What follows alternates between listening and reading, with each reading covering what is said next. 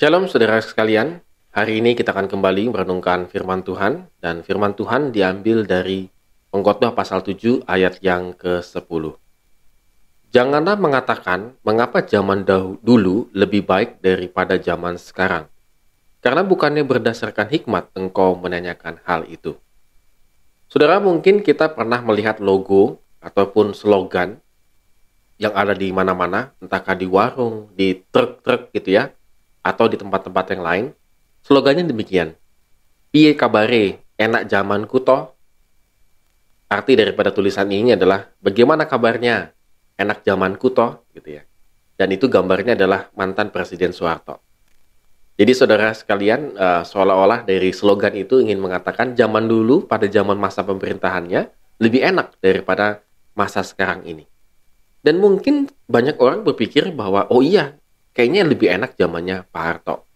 Ini sering kali terjadi dalam kehidupan uh, masyarakat kita. Saudara mungkin ini agak mirip dengan dengan uh, pengkhotbah mengatakan mengapa zaman dulu lebih baik daripada zaman sekarang. Artinya banyak orang yang lebih senang bernostalgia dengan zaman dahulu daripada zaman yang sekarang.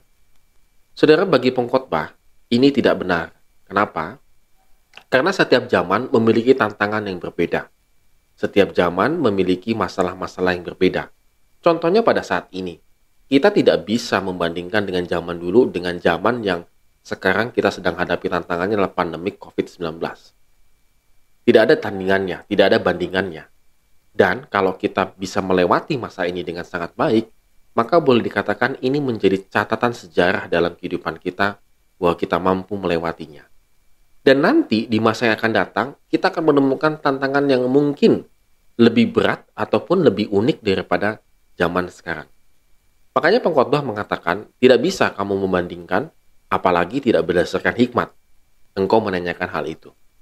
Saudara, pengkhotbah ingin menekankan bahwa ketika kita menilai segala sesuatu, harus berdasarkan hikmat Tuhan. Bukan berdasarkan sebuah penilaian kita secara kasat mata, apalagi secara perasaan saja. Perasaan zaman dulu lebih enak. Saudara, saya yakin percaya bahwa kita sering kali e, menilai sesuatu dengan perasaan, saudara. Tidak dengan logika. Saya kasih contoh, saudara. Kalau dalam kehidupan kita sehari-hari, kita selalu, selalu berpendapat begini. Saya rasa hal itu tidak baik. Saya rasa saya setuju. Jadi semuanya pakai rasa begitu ya. Maka pengkhotbah mengatakan supaya membalancingkan, menyeimbangkan antara rasa dan pikiran, maka engkau membutuhkan hikmat Tuhan.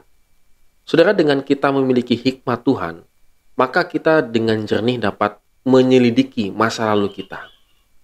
Bagaimana kehidupan masa lalu kita, lalu kita bandingkan dengan hikmat Tuhan dengan kehidupan masa sekarang kita. Maka penilaiannya pasti akan berbeda. Saya kasih contoh misalnya. Kalau zaman dulu gitu ya, masa lalu saya, saya jauh daripada Tuhan hidup saya tidak mau mendengarkan firman Tuhan. Saya tidak mau beribadah. Saya termasuk orang yang sangat malas untuk membaca firman Tuhan, saudara. Tidak seperti sekarang ini. Ketika saya berjumpa dengan Kristus, ketika hidup saya benar-benar menyelami, menyelidiki Kristus, dan saya menerima Kristus dengan segala apa adanya saya, logika saya, hati saya, kehidupan saya, maka saya menerima anugerah itu, maka saya mencintai firman Tuhan. Saudara entah, entah kenapa, kalau sehari saya pribadi tidak baca firman Tuhan, itu rasanya bagaimana begitu? Bukan karena semata-mata secara gangguan psikologi, saudara, tidak.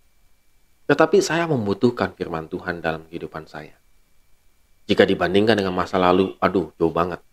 Jauh banget, saudara. Jauh sekali, saudara. Nah, hal-hal demikianlah yang kita cari dengan hikmat Tuhan.